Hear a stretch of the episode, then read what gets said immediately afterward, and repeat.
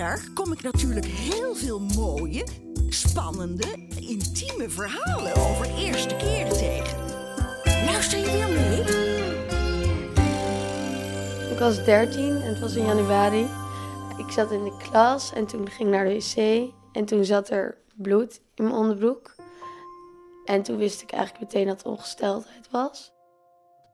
En toen een dag daarna, toen begon zeg maar mijn vagina. leek heel erg of er een steen in zat. Het was heel zwaar. En ik begon ook wel pijn in mijn buik te krijgen en me raar te voelen, zeg maar. Het zit heel erg in je onderbuik. En als ik in bed lig, heb ik het meestal. En het is gewoon een soort steek of zo. Je voelt wel echt dat het ongesteld is. Het is. Het is wel anders dan normale buikpijn, zeg maar. Echt in je onderbuik. Je voelt het bloed wel soms stromen.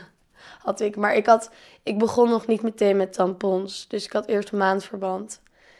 En dan voel je het inderdaad wel.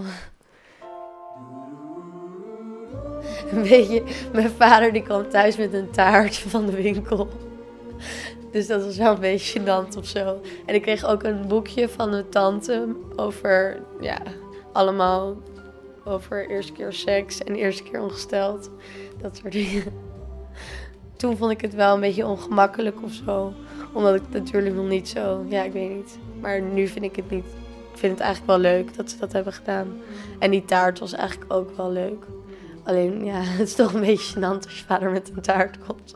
Omdat je ongesteld bent geworden. En mijn moeder, ja, die was gewoon heel lief. Ik weet niet, dat ze gewoon heel erg voor me ging zorgen of zo. Omdat het toch anders is. Dat was ook, zeg maar, in dat jaar, toen wist ik nog niet helemaal hoe ik het allemaal goed moest gebruiken en zo.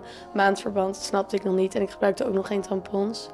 En toen ben ik een keer op school op mijn stoel doorgelekt. Ik ging staan en toen keek ik op mijn stoel en toen lag er echt bloed. En toen heb ik ook meteen gevraagd of ze het in mijn broek zagen. En dat was dus wel zo. Dus dat was wel heel gênant. Maar ik kon er niet zoveel aan doen. En toen heb ik gewoon de hele dag met een jas om mijn middel gelopen. Ja. Wil je meer verhalen horen? Kijk dan op de drcorryshow.nl Dit verhaal werd mede mogelijk gemaakt door het Mediafonds.